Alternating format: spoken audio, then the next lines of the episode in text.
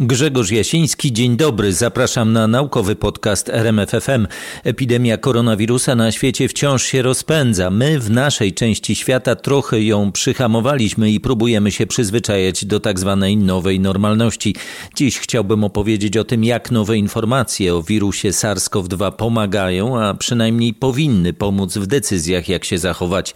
Na początek jednak najważniejszy temat i najważniejsza nadzieja. Kolejny etap prac nad szczepionkami. Na na bardzo konkretnym przykładzie. Kolejna szczepionka na koronawirusa wchodzi w fazę testów klinicznych. Badania na grupie ochotników w Niemczech i Belgii rozpoczyna firma CureVac z Tybingi.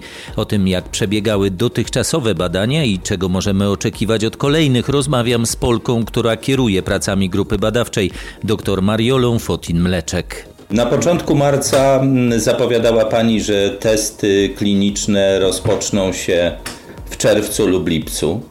Rozpoczynają się. Czy to znaczy, że wszystko idzie zgodnie z planem? Tak, jak najbardziej.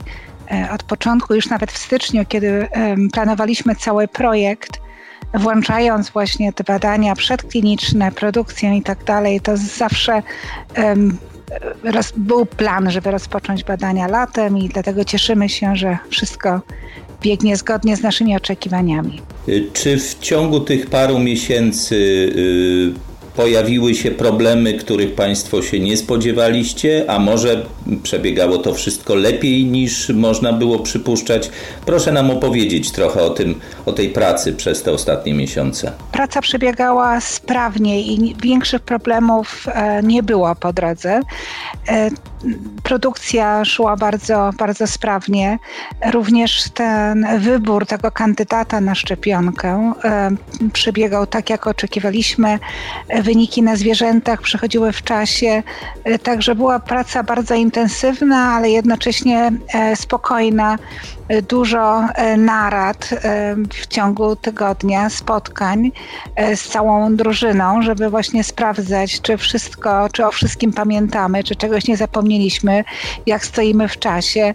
Także to było bardzo monitorowane, bardzo intensywnie, że zawsze wiedzieliśmy dokładnie, kiedy możemy rozpocząć według tego aktualnego stanu naszych prac. Także to tak było, zawsze mieliśmy te, te, ten, ten czas i ten start przed oczyma. Um, nie było naprawdę większych problemów i czasami dostajemy pytania, dlaczego tak długo to trwało, i, bo, je, bo jednak niektóre firmy zaczęły przed nami i tak dalej, ale to można bardzo łatwo wytłumaczyć, bo jeżeli my zawsze wspominaliśmy, że chcemy dokonać e, tych badań na zwierzętach i zobaczyć, jak szczepionka działa, e, zobaczyć, jaki jest okres pomiędzy pierwszym i drugim szczepieniem i tutaj nam e, wyniki wykazały, że jednak ten okres czterech tygodni pomiędzy dwiema szczepionkami jest bardzo jest najlepszy. E, no to jednak e, czekanie na to szczepienie zwierząt, tutaj mówimy już o tygodniach, o miesiącach i to właśnie wyjaśnia, nie? dlaczego jednak te, tych kilka miesięcy było potrzebne. Proszę mi powiedzieć, na jakich zwierzętach Państwo testowaliście tę szczepionkę? Ile zwierząt yy, badano i, jakie wyniki? Co, jakby mogła nam Pani powiedzieć, co zdecydowało o tym, że, że uznaliście Państwo, że, że szczepionka działa mm, tak, jak powinna? Większość badań było przeprowadzonych na, na myszach dlatego że e, wiele podstawowych pytań można odpowiedzieć właśnie przy, na, na, tych zwierzętach. I te badania wykazały, że odpowiedź immunologiczna jest e, taka bardzo zbalansowana, że tak jak oczeki, oczekiwaliśmy i zgodna z tym mechanizmem, o którym wiemy, w jaki sposób nasza szczepionka działa, e, widzieliśmy przeciwciała, które potrafią neutralizować wirusa. Widzieliśmy też produkcję komórek T, które też są potrzebne. Wiemy, że pacjenci też mają takie komórki, e, że to należy do tej naturalnej odpowiedzi. Także te wyniki były e, bardzo e, pozytywne. Tak jak wspominałam, również ustalenie, jaka, jaka jest, w jaki sposób podać tą szczepionkę, ile czasu zostawić pomiędzy pierwszą a drugą. Te pytania również udało nam się odpowiedzieć właśnie na, na myszach. Nie oznacza to jednak, że wszystkie badania są zakończone stronę. Badania toksykologiczne, gdzie bada się ewentualne skutki uboczne, one były prowadzone na szczurach. E, w dalszym ciągu są badania prowadzone na innych zwierzętach. One są potrzebne e, do tego, żeby później rozpocząć te badania fazy drugiej, czy tą szczepionkę, e, podawanie szczepionki rozszerzyć na szerszą populację. Także ta praca przedkliniczna e, się nie, nie skończyła. To są również te, te wszystkie eksperymenty, które są dyskutowane z urzędami regulującymi, które mogą być pożyteczne i, i pomóc zrozumieć czy, czy możemy zagwarantować ochronę dla, e, dla, dla e, szczepionych osób. Te wszystkie badania są jeszcze, są jeszcze w toku, niektóre są nawet planowane, również badania na, na wyższych zwierzętach, na prymatach. Te instytucje, które będą decydowały o zatwierdzeniu szczepionki mm, do użycia, do produkcji, do podania pacjentom, Y, deklarują pełną możliwą współpracę, to znaczy postępowanie na tyle szybkie, na ile to jest y, możliwe, ale oczywiście pewnych y, etapów przeskoczyć się nie da. W związku z tym powiedzmy teraz o tych etapach, które będą konieczne. Zaczynacie Państwo testy kliniczne już z udziałem pacjentów. Ile to będzie osób początkowo? Znaczy to nie są pacjenci, tylko zaczynamy z e, na, badania na tak, mhm. na zdrowej populacji. I te badania ruszą, to są badania fazy pierwszej, e, no, które mają na celu e, wykazanie, jaka dawka jest potrzebna, jaka jest bezpieczna i potrzebna do tego, by wywołać odpowiedź immunologiczną. Będą badane trzy dawki e, na grupie probantów od 18 do 60 roku życia. Także jeżeli wyniki będą pozytywne, tego spodziewamy się właśnie na jesieni. Wtedy można rozpocząć badania fazy drugiej połączone z fazą trzecią, która będzie miała już na celu przy odpowiedniej dawce e, testowanie szczepionki na tysiącach probantów po to, by jak najlepiej wykazać bezpieczeństwo tej szczepionki. Paralelnie e, właśnie ruszą również badania e, fazy drugiej, e, też i na jesień, gdzie będziemy testować szczepionkę na osobach starszych, powyżej 60, od 61 roku życia. I w momencie, kiedy wykażemy właśnie, że szczepionka również i na tych osobach działa i jest dla nich bezpieczna, również będą te osoby potem włączane w tej grupie wiekowej też do tych badań fazy trzeciej.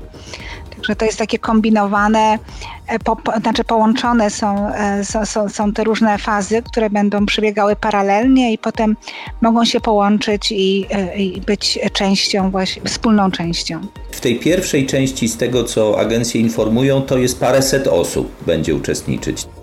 Tak, ta pierwsza część jest bardzo taka E, ograniczona, e, bo e, mówimy tutaj o 168 osobach, jeżeli będziemy testować trzy dawki i w tym również jest mała grupa osób, które dostaną właśnie placebo czy podane, bo jest to potrzebne. Tak, także jest to tak nie, nie jest to wysoka, wysoka, wysoka liczba osób, które e, są potrzebne do tego, żeby wykazać, e, z jaką, z jaką dawką możemy ruszać dalej. Podstawowy cel pierwszej fazy to jest wykazanie, że taka dawka jest bezpieczna dla pacjentów, czyli że nie wywołuje żadnych y, niepożądanych reakcji, prawda? Tak, bezpieczeństwo, która dawka jest e, bezpieczna, ale oczywiście jaka dawka potrzebna jest, by wywołać e, odpowiednią odpowiedź immunologiczną na odpowiednim poziomie. Nawet jeżeli ja tutaj wspominałam, że my przebadaliśmy tą szczepionkę na, na zwierzętach i dalsze badania również mają miejsce, E, niestety no nie jest tak, że da się wszystko przewidzieć i nie można tej dawki tak bezpośrednio przełożyć na, na, na, na ludzi. E, dlatego e, potrzebne właśnie jest też zrozumienie, czy ta dawka, my jesteśmy w bardzo małej, przy bardzo małych dawkach, czy one faktycznie są wystarczające, czy, czy, czy, czy, czy potrzebujemy troszkę więcej. Przypomnijmy, że Państwo tak naprawdę podajecie organizmowi nie wirusa, nie osłabionego wirusa, tylko sam materiał genetyczny, czyli pani to nazywała takim pendrive'em, który zawiera tak. po prostu informacje. To, to postępowanie ma swoje zalety.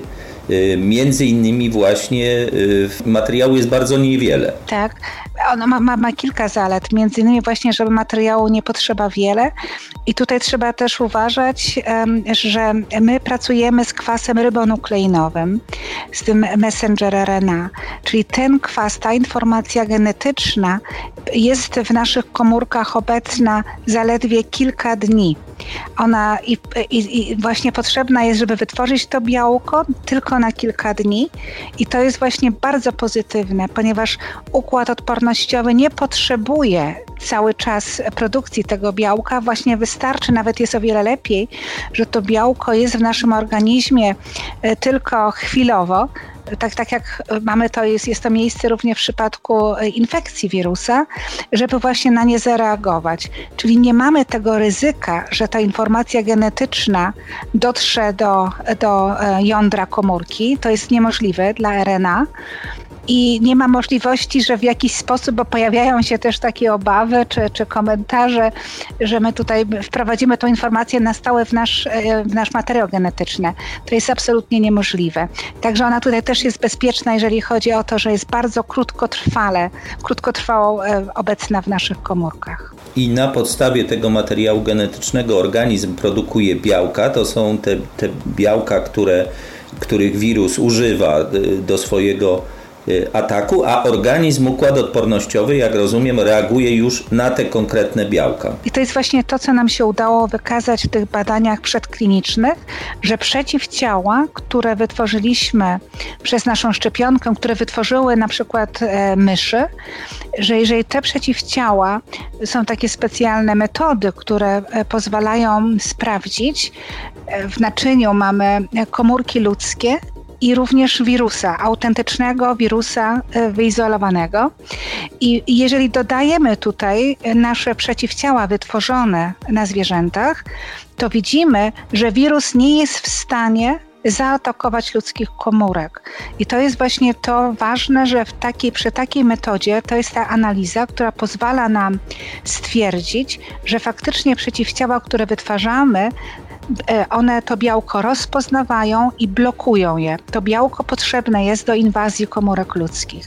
Także to jest ta, ta właśnie bardzo ważna analiza i te, te wyniki, które pokazują e, skuteczność przeciwciał. Y, dlaczego potrzebna jest druga dawka y, szczepionki, tak jak pani wspomniała, mniej więcej po miesiącu?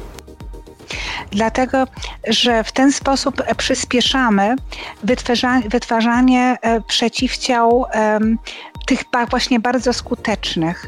E, to jest tak, że e, po pierwszym kontakcie z, z tym białkiem nasz układ immunologiczny zaczyna wytwarzać przeciwciała i one, to jest też właśnie taki biologiczny mechanizm, te przeciwciała z czasem się poprawiają. To się nazywa takie dojrzewanie przeciwciał. One uczą się coraz lepiej rozpoznawać. Także są, są różne typy przeciwciał, one się troszeczkę różnią i zaczynają rozpoznawać e, wirusa. I właśnie w ten okres dojrzewania potrzebuje trochę czasu. I w momencie, kiedy my przychodzimy właśnie z drugą dawką, mamy możliwość, żeby te właśnie przeciwciała, które dojrzały, które najlepiej na to białko reagują, je e, niesamowicie powiększyć, że właśnie nasze komórki dostają sygnał i wtedy już nie muszą dojrzewać, tylko właśnie produkują dokładnie te przeciwciała, które, że tak powiem, nauczyły się e, przez ten, przez ten czas czterech tygodni najlepiej na wirusa reagować. I to jest właśnie to, co też nam udało się wykazać na zwierzętach, że tydzień po, pierwszy, po drugiej dawce właśnie ten poziom tych prawidłowych przeciwciał niesamowicie wzrasta. To jest taka ekspansja tych, tych przeciwciał i to gwarantuje, że bardzo szybko dostajemy właśnie ochronę. Gdybyśmy zostali przy jednej dawce, ten proces dojrzewania, selekcji przeciwciał trwałby o wiele dłużej i może potrzebna byłaby też od początku o wiele wyższa dawka, żeby ten proces przebiegał efektywnie.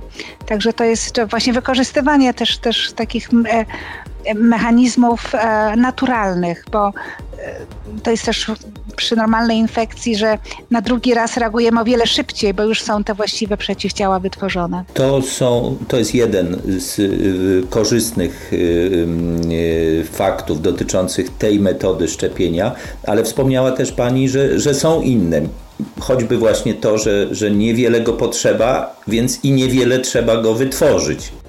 Produkcja jest e, bardzo ważnym tutaj elementem i dlatego my postanowiliśmy e, jednak zainwestować na początku e, kilka tygodni, żeby przygotować kilka wariantów tego, tej informacji, ponieważ zawsze mamy to białko, które chcemy zakodować na RNA, ale są różne sposoby tego kodowania.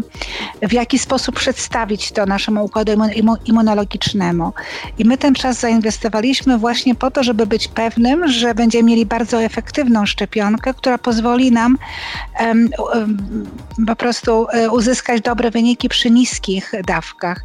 Jeżeli weźmiemy pod uwagę, jakie jest zapotrzebowanie na szczepionkę i, i, i te, właśnie te możliwości aktualnych linii produkcyjnych, to tutaj naprawdę zmniejszenie e, dawki o faktor nawet 2 czy 5 jest niesamowicie ważne, e, jeżeli chodzi o czas, w którym będziemy w stanie wyprodukować odpowiednią ilość, ilość e, szczepionki. Także to jest właśnie ta inwestycja na początku, która pozwala, która jest potrzebna, żeby później bardzo szybko zabezpieczyć odpowiednią ilość szczepionek. Testy się rozpoczynają. Oczywiście wszyscy czekają na te szczepionki, mm, żeby się pojawiły jak najszybciej, więc y, y, skoro pani doktor tak y, wspaniale przewidziała, kiedy testy się rozpoczną, no to ja poproszę o, o kolejne przewidywania na temat tego, kiedy można się spodziewać. Jeśli wszystko poszłoby idealnie, zgodnie z planem, kiedy byłyby takie ważne etapy kolejne, po których widzielibyśmy, że że te szanse na szczepionkę na początku przyszłego roku czy, czy w połowie przyszłego roku są realne? To znaczy, ja mam już teraz troszeczkę łatwiejszą sytuację aktualnie, ponieważ e, wczoraj mieliśmy również wspólną konferencję prasową z prezydentem e, Instytutu, który dopuszcza, który dopuszcza właśnie szczepionki, e, szczepionki w Niemczech. Właśnie profesor Cichutek sam stwierdził, że jeżeli wszystko będzie bardzo dobrze prze, przebiegało i wyniki będą e, bardzo pozytywne i będzie dużo tych wyników, a o to się staramy, żeby te badania jak najsprawniej przeprowadzić, to on właśnie stwierdził, że on się spodziewa e, tych e, wniosków o dopuszczenie szczepionki na końcu tego roku, a, a raczej jeszcze może bardziej prawdopodobne na początku przyszłego roku. Czyli tutaj jest dla mnie o wiele łatwiej, jeżeli nawet urzędy regulujące biorą to taki wariant pod uwagę. To rozumiem, Państwo jesteście gotowi się wywiązać. No znaczy my robimy wszystko właśnie, żeby ta, te wyniki, e, które tak jak mówiłam są jeszcze potrzebne na zwierzętach, one też będą e, brane pod uwagę. E, staramy się jak najwięcej, właśnie jak najsprawniej przeprowadzić, przygotować, przygotowywać już teraz te badania fazy trzeciej. One będą przebiegały w różnych krajach, właśnie również w tych rejonach, gdzie infekcje mają miejsce, ponieważ chodzi również o to, żeby w tej fazie badań trzecich wykazać skut ochronę, też skuteczność. I to najłatwiej jest właśnie wtedy, kiedy infekcje mają jeszcze miejsce i wtedy można w tych grupach, w grupie kontrolnej E, porównywać właśnie e, częstość tych infekcji w grupie, w grupie kontrolnej e, do tej grupy, która otrzymywała szczepionkę. Także to staramy się chociaż w ten sposób mieć tą szansę, żeby wykazać. Także to wszystko, jest jeszcze bardzo, bardzo dużo pracy i, i, i wiele, tak jak mówię, trzeba w różnych krajach posunąć do przodu i w Afryce i te badania i w, właśnie, bo trzeba iść w te rejony, gdzie infekcje mają miejsce. E, także ciężko jest wszystko przewidzieć, czy wszystko tak pójdzie, czy faktycznie uda nam się e, tak szybko dostarczyć te wyniki. No ale jest, jest, jest to na pewno wyznaczony bardzo ambitny cel. Czy to, jak epidemia w Europie, bo to najbliżej wyglądała, y, te doniesienia na temat przebiegu choroby, na temat reakcji organizmu, czy te doniesienia z zewnątrz miały jakieś znaczenie dla Państwa pracy na bieżąco w ciągu tych ostatnich y, kilku miesięcy? Czy też ta praca była jakby całkowicie poza tym, jak epidemia tu wyglądała? Czy, czy, czy były potrzebne te nowe informacje? One coś pomogły? Nie, oczywiście, że te e, informacje są również dla nas ważne, żeby cały czas kontrolować, czy ta strategia, którą podjęliśmy, czy szczepionka e, w dalszym ciągu jest e, aktualna i, i, czy nie trzeba czegoś zmienić. Na przykład bardzo dla nas są ważne wyniki, gdzie bada się różne izolaty tego wirusa i bada się właśnie mu, występujące mutacje. To właśnie również nasi bioinformatycy śledzili bardzo bacznie, ponieważ gdyby wystąpiła mutacja w tym bardzo e, neuralgicznym e, rejonie białka, e, to trzeba by ewentualnie zmienić ten zapis informacji. Czyli na przykład to jest dla nas bardzo ważne i cały czas to monitorujemy. I była jedna mutacja, która właśnie w Europie była bardziej, częściej występowała, ale jednak ona obejmowała ten obszar białka, który nie był krytyczny. Także tutaj nie, nie była potrzebna jakaś zmiana. Inne informacje dotyczą również również tego e, właśnie w jaki sposób nasza odpowiedź naturalna immunologiczna przebiega, bo e, my staramy się tą informa, to, tą naturalną odpowiedź e, właśnie też wytworzyć przez nasze szczepienia i widzimy właśnie jaki poziom przeciwciał jest, jest notowany u osób, u ozdrowieńców. Widzimy również, że oni wytwarzają również komórki T, czyli to są te informacje, które dla nas są ważne, bo pokazują, że my jesteśmy na dobrej drodze. I co jest jeszcze dosyć e, utrudnieniem, czy właśnie taką zagadką, że widzimy, że u osób, które dały sobie radę z infekcją, poziom przeciwciał jest bardzo różny. Mamy osoby, które wyzdrowiały, a nie mają prawie żadnych przeciwciał. Są inne osoby, które mają e, silne objawy i tak dalej, przeciwciał mają dużo. Czyli to są też te informacje, które do nas docierają. My je potrzebujemy, żeby wiedzieć, jaki poziom przeciwciał jest konieczny. Tak samo również publikacje na temat e, tych jest mniej, bo to jeszcze wszystko jest bardzo świeże. Jak długo ta odpowiedź immunologiczna jest utrzymywana na odpowiednim poziomie. To też są bardzo ważne informacje, także E, oprócz naszej takiej pracy realnej, to śledzenie e, prasy fachowej i, i, i gromadzenie tych wszystkich informacji, analiza e, mają również miejsce paralelnie i są bardzo istotne. O pracach nad szczepionką przeciw koronawirusowi firmy CureVac z Tybingi opowiadała mi dr Mariola Fotin-Mleczek. Teraz pora na informacje, które pomagają walczyć z pandemią w sytuacji, gdy szczepionki jeszcze nie ma. Odpowiedź na pytanie o śmiertelność z powodu infekcji nowym wirusem ma kluczowe znaczenie dla planowania odpowiedzi na zagrożenie epidemią. Dlatego właśnie od samego początku pandemii COVID-19 naukowcy starają się ustalić wartość tzw. Tak współczynnika śmiertelności z powodu infekcji IFR.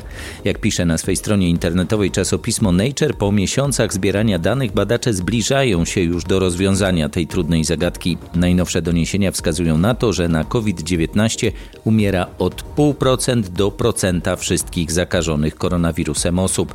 Ustalenie rzeczywistej wartości współczynnika IFR jest trudne, odnosi się on bowiem do całkowitej liczby zakażonych, a nie tylko osób, u których obecność koronawirusa potwierdzono. Przy dużej liczbie przypadków bezobjawowych ocena rzeczywistej liczby osób, u których doszło do infekcji jest obarczona dużym błędem. IFR jest jednym z najważniejszych czynników obok progu odporności zbiorowej, który decyduje o skali epidemii i wskazuje na to, jak poważnie powinniśmy ją traktować, mówi Robert Verity, epidemiolog z Imperial College London. Precyzyjne określenie IFR jest poważnym wyzwaniem w przypadku każdej epidemii, ale przy COVID-19 sytuacja jest jeszcze trudniejsza, dodaje Timothy Russell z London School of Hygiene and Tropical Medicine. Wynika to nie tylko z faktu, że wiele osób przechodzi infekcję bezobjawowo, ale też ze specyfiki choroby. Między zakażeniem a śmiercią upływa czasem nawet do dwóch miesięcy. Wiele krajów ma też problemy, by precyzyjnie określić, które zgony faktycznie związane są z koronawirusem. Niektóre z nich mogą nie być uwzględniane. Dane z pierwszego okresu pandemii zwykle przeszacowywały śmiertelność wirusa. Seria późniejszych badań zdawała się oceniać IFR na zbyt niskim poziomie. W tej chwili wydaje się, że najbliższe prawdy są oceny, że na COVID-19 umiera od 5 do 10 osób na tysiąc zakażonych. Ustalenie IFR w przypadku COVID-19 jest trudne także dlatego, że śmiertelność wydaje się silnie zależna od wieku, chorób współistniejących, rasy, sytuacji społeczno-ekonomicznej, wreszcie dostępu do nowoczesnej opieki medycznej. Wszystkie te czynniki trzeba będzie uwzględnić. Dodatkowo jeszcze można przewidywać, że śmiertelność zmienia się w miarę doskonalenia metod opieki nad najciężej chorymi pacjentami. Jedno z pierwszych badań, które uwzględniło wiek zakażonych, przeprowadzone w Genewie, wykazało, że IFR, który dla całej populacji utrzymuje się na poziomie 0,6%, rośnie u osób w wieku ponad 65 lat do 5,6%.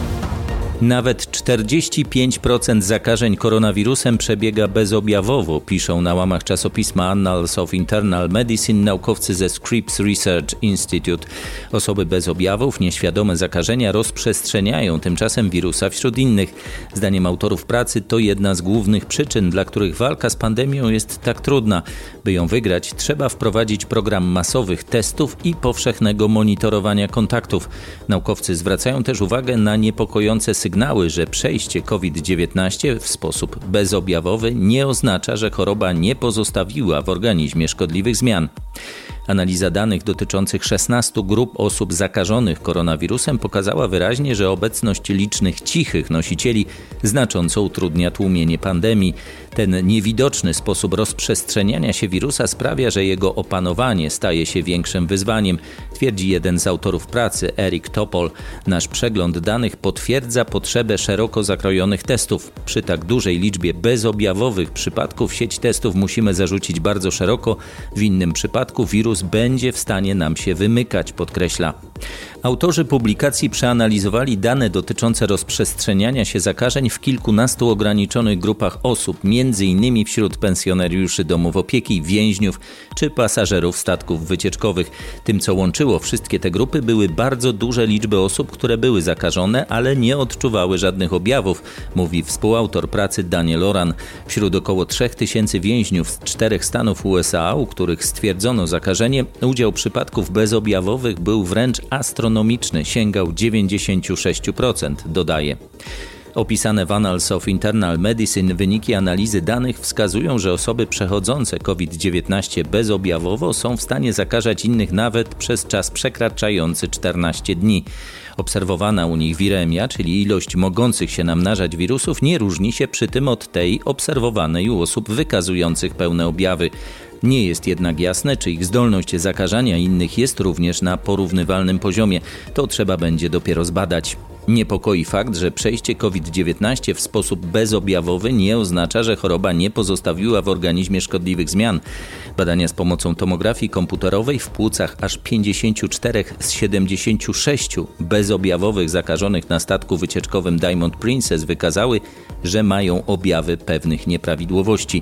Zmiany te nie doprowadziły do widocznych objawów klinicznych, ale ich obecność sprawia, że nie można wykluczyć skutków SARS-CoV-2 które objawią się dopiero po pewnym czasie. W walce z koronawirusem, a przynajmniej najbardziej poważnymi powikłaniami COVID-19, medycyna może mieć niespodziewanego sojusznika. Piszą na łamach MBO czasopisma American Society for Microbiology naukowcy Louisiana State University i Tulane University.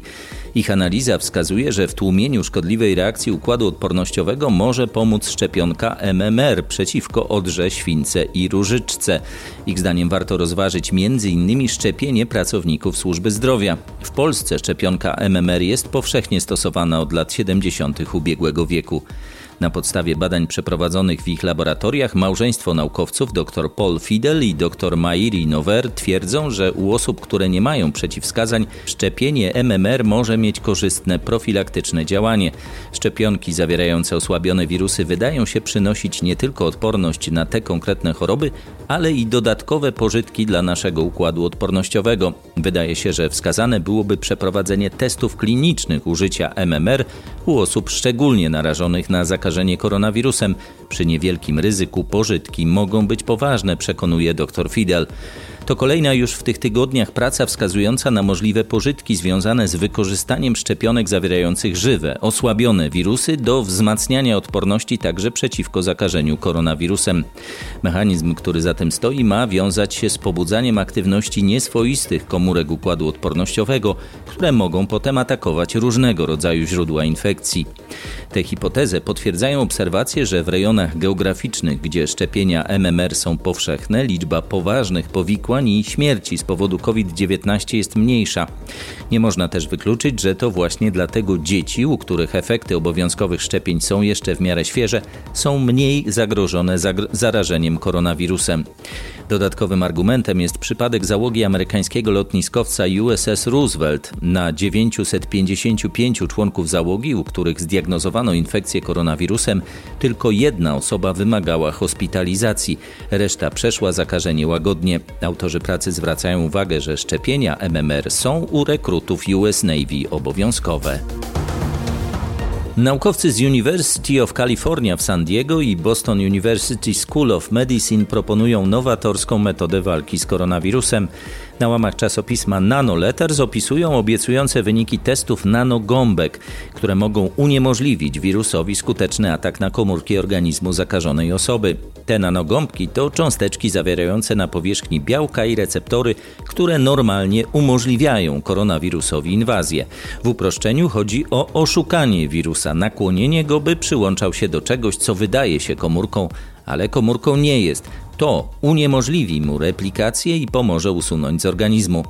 Wśród różnych metod testowanych do walki z koronawirusem naukowcy próbują m.in. uniemożliwić mu wnikanie do komórek zainfekowanej osoby albo zaburzyć proces replikacji, który jest możliwy dopiero z wykorzystaniem mechanizmów tych komórek. Badacze z San Diego i Bostonu idą jakby pierwszą z, ty z tych dróg, ale z pewną modyfikacją. Zamiast blokować przyłączanie się wirusów do komórek, próbują zaoferować mu tak wiele miejsc możliwego przyłączenia, że wirus w końcu nie jest w stanie znaleźć i zaatakować prawdziwej komórki. W tym celu proponują wprowadzenie do organizmu nanocząstek polimeru pokrytego komórkami nabłonka płuc, zawierających receptory AC2 i CD147, których białka korony SARS-CoV-2 używają do inwazji. Sam pomysł ma już kilka lat i był proponowany do walki z różnymi wirusami. Testy przeprowadzone w obliczu pandemii SARS-CoV-2 w laboratorium o najwyższym poziomie bezpieczeństwa w Bostonie pokazały, że w warunkach laboratoryjnych metoda może być skuteczna nawet w 93%.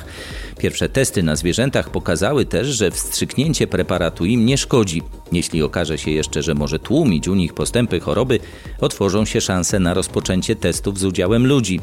Badacze z UC w San Diego nazywają swój wynalazek nanogąbkami, bo choć mechanizm ich działania nie jest do końca gąbkom podobny, to jednak w odpowiedniej dawce są w stanie wchłonąć koronawirusy, uniemożliwić ich replikację i pozwolić naturalnym mechanizmom układu immunologicznego pozbyć się ich z organizmu zakażonej osoby. W kolejnym etapie powrotu do tzw. Tak nowej normalności wiele krajów, podobnie jak Polska, rezygnuje już z nakazu noszenia maseczek na otwartej przestrzeni, pozostawiając wskazanie używania ich w pomieszczeniach zamkniętych i tam, gdzie nie ma możliwości zachowania dystansu dwóch metrów. Najnowsza analiza naukowców z Texas AM University, University of Texas, University of California w San Diego i California Institute of Technology wskazuje na to, że powinniśmy tego przestrzegać nie tylko ze względu na dobro innych, ale też własne. Ich zdaniem noszenie maseczek istotnie zmniejsza ryzyko także naszego zakażenia. Według opublikowanej na łamach czasopisma Proceedings of the National Academy of Sciences pracy maseczki mają kluczowe znaczenie dla ograniczenia rozprzestrzeniania się wirusa. Jeśli maseczki nie nosimy, ryzyko zakażenia COVID-19 dramatycznie rośnie. Takie wnioski przyniosła analiza danych na temat przenoszenia się koronawirusa w Chinach, we Włoszech i w mieście Nowy Jork.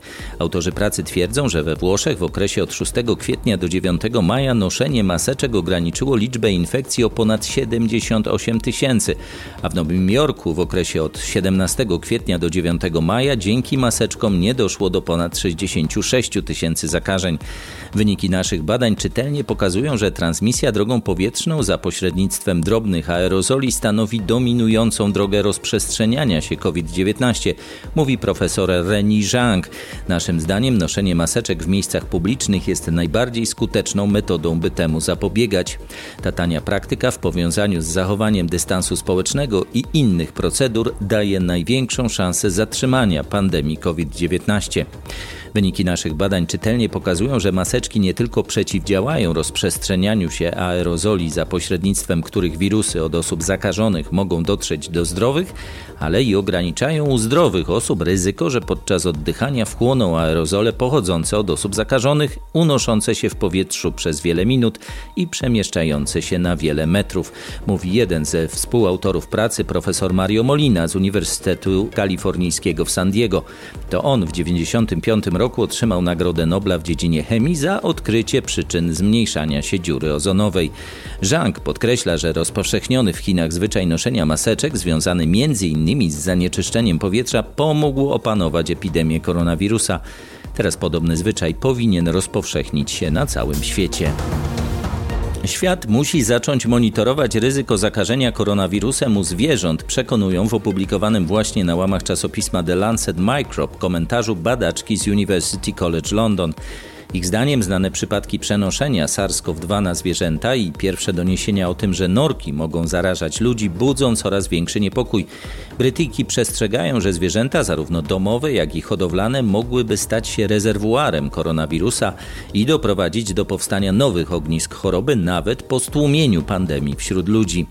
Wzywają do podjęcia intensywnych badań naukowych na temat potencjalnej podatności różnych gatunków zwierząt na infekcję SARS-CoV-2 i wdrożenie programów monitoringu, które pozwoliłyby obserwować te z nich, które żyją blisko człowieka i mogłyby w największym stopniu przyczyniać się do rozprzestrzeniania koronawirusa. Szczególnie niepokojący przypadek wydarzył się ostatnio w Holandii, gdzie dwie osoby zakaziły się koronawirusem od norek i trzeba było dokonać uboju całej hodowli, tysięcy zwierząt. Zdaniem autorek ten przypadek zwraca uwagę nie tylko na zagrożenia dla zdrowia ludzi, ale też dobrostanu zwierząt. Pokazuje też, że ewentualny wybuch epidemii wśród zwierząt hodowlanych może przynieść poważne straty w rolnictwie. Dlatego potrzebne są procedury kontroli ewentualnych zakażeń i wiedza na temat ryzyka ich rozprzestrzeniania. Proces otwierania stadionów dla kibiców w dobie trwającej wciąż pandemii koronawirusa warto prowadzić ostrożnie. Przekonują o tym wyniki badań naukowców z West Virginia University opublikowane na portalu Social Science Research Network. Ich analizy wykazały, że w miastach USA, w których grają drużyny sportowe największych amerykańskich lig profesjonalnych, obserwuje się zwiększoną liczbę śmiertelnych przypadków sezonowej grypy. Choć praca nie dotyczy konkretnie COVID-19, fakt, że koronawirus wydaje się znacznie bardziej zaraźliwy i śmiertelny niż grypa, każe brać te doniesienia pod uwagę. Autorzy pracy przeanalizowali dane amerykańskiego Centrum Kontroli i Profilaktyki Chorób z lat 1962-2016 i zauważyli, że, że śmiertelność związana z sezonową grypą była od 5 do nawet 24% wyższa w miastach, w których odbywały się mecze lig futbolu amerykańskiego NFL, koszykówki NBA, hokeja NHL i baseballu MLB. Wszystkie te ligi przynajmniej częściowo grają w okresie jesienno-zimowo-wiosennym, kiedy na półkuli północnej trwa sezon grypowy. Najsilniejszy negatywny skutek przynosiły przy tym mecze NHL. Biorąc pod uwagę, że wirus SARS-CoV-2 jest bardziej zakaźny i groźniejszy od wirusa grypy, przekaz dla organizatorów imprez sportowych powinien być jasny. Do czasu wynalezienia szczepionki lub pojawienia się odporności zbiorowej ostrożnie z wpuszczaniem kibiców na mecze, uważa profesor Brad Humphreys. Jego zdaniem powrót kibiców na stadiony w USA to z punktu widzenia zdrowia publicznego bardzo zły pomysł. Na stadionach mamy ludzi, którzy krzyczą, przybijają piątki, wpadają sobie w objęcia, jedzą i piją, podkreśla Humphreys, to idealne miejsce, by dosłownie wchłaniać wirusa pełną gębą. Najbardziej wyraźny wzrost zachorowań i śmiertelnych przypadków grypy widać było w miastach, gdzie pojawiały się nowe drużyny i w związku z nimi nowe okazje do spotkań na meczach. Okazało się, że z tą chwilą liczba śmiertelnych przypadków grypy rosła i pozostawała potem na podwyższonym poziomie. To nie był jeden czy dwa dodatkowe przypadki, mówimy o 30 do 40 dodatkowych przypadków śmierci z powodu grypy na sezon. Jeśli przełożyć to na groźniejszy przypadek koronawirusa, można mówić o setkach dodatkowych przypadków śmiertelnych, dodają autorzy pracy. Badania rozpoczęły się w marcu, kiedy grające w tym okresie ligi NBA i NHL zawiesiły swoje rozgrywki. Naukowcy z uniwersytetu zainspirowali się przypadkiem niesławnego meczu piłkarskiego Atalanty Bergamo z Walencją, który w połowie lutego doprowadził do rozprzestrzenienia się epidemii koronawirusa we Włoszech i Hiszpanii. W ciągu dwóch tygodni liczba przypadków wzrosła wtedy z trzech w całych Włoszech do 997 zarejestrowanych w samym tylko regionie Bergamo. Jak słyszę, że każdy może nosić maseczkę, to myślę sobie, jaki jest poziom przestrzegania tych nakazów w rzeczywistości. W halach przy pełnej liczbie kibiców o przestrzeganiu dystansu społecznego nie ma nawet mowy. Mówi Humphreys, pochopny powrót na stadiony byłby wielkim błędem. Zaczekajmy na szczepionkę albo zbiorową odporność. Przekonamy się między innymi u nas, jak to będzie. Obiecałem ostatnio, że nie będę mówił tylko o koronawirusie. W nauce poza sprawami związanymi z pandemią naprawdę wiele się dzieje. Choćby w nauce, która próbuje odpowiedzieć na pytania o to, co jest poza Ziemią i poza nami. W naszej galaktyce drodze mlecznej może znajdować się do 6 miliardów podobnych do Ziemi planet, piszą w czasopiśmie The Astronomical Journal astronomowie z University of British Columbia.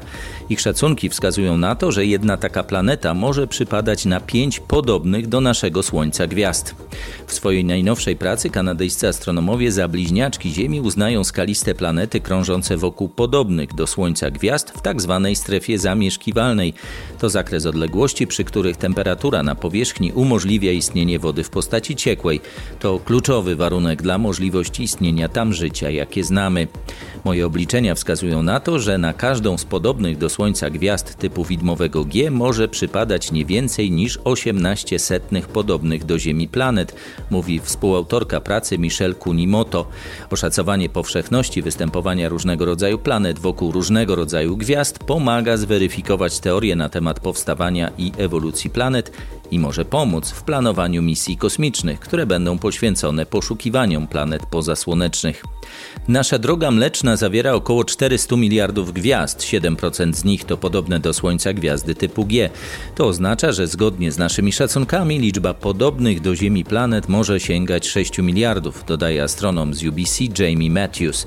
Dotychczasowe szacunki były znacznie mniej dokładne. Badacze wskazywali, że liczba podobnych do Ziemi planet na podobną do Słońca gwiazdę mieści się w granicach od 200 do ponad jednego.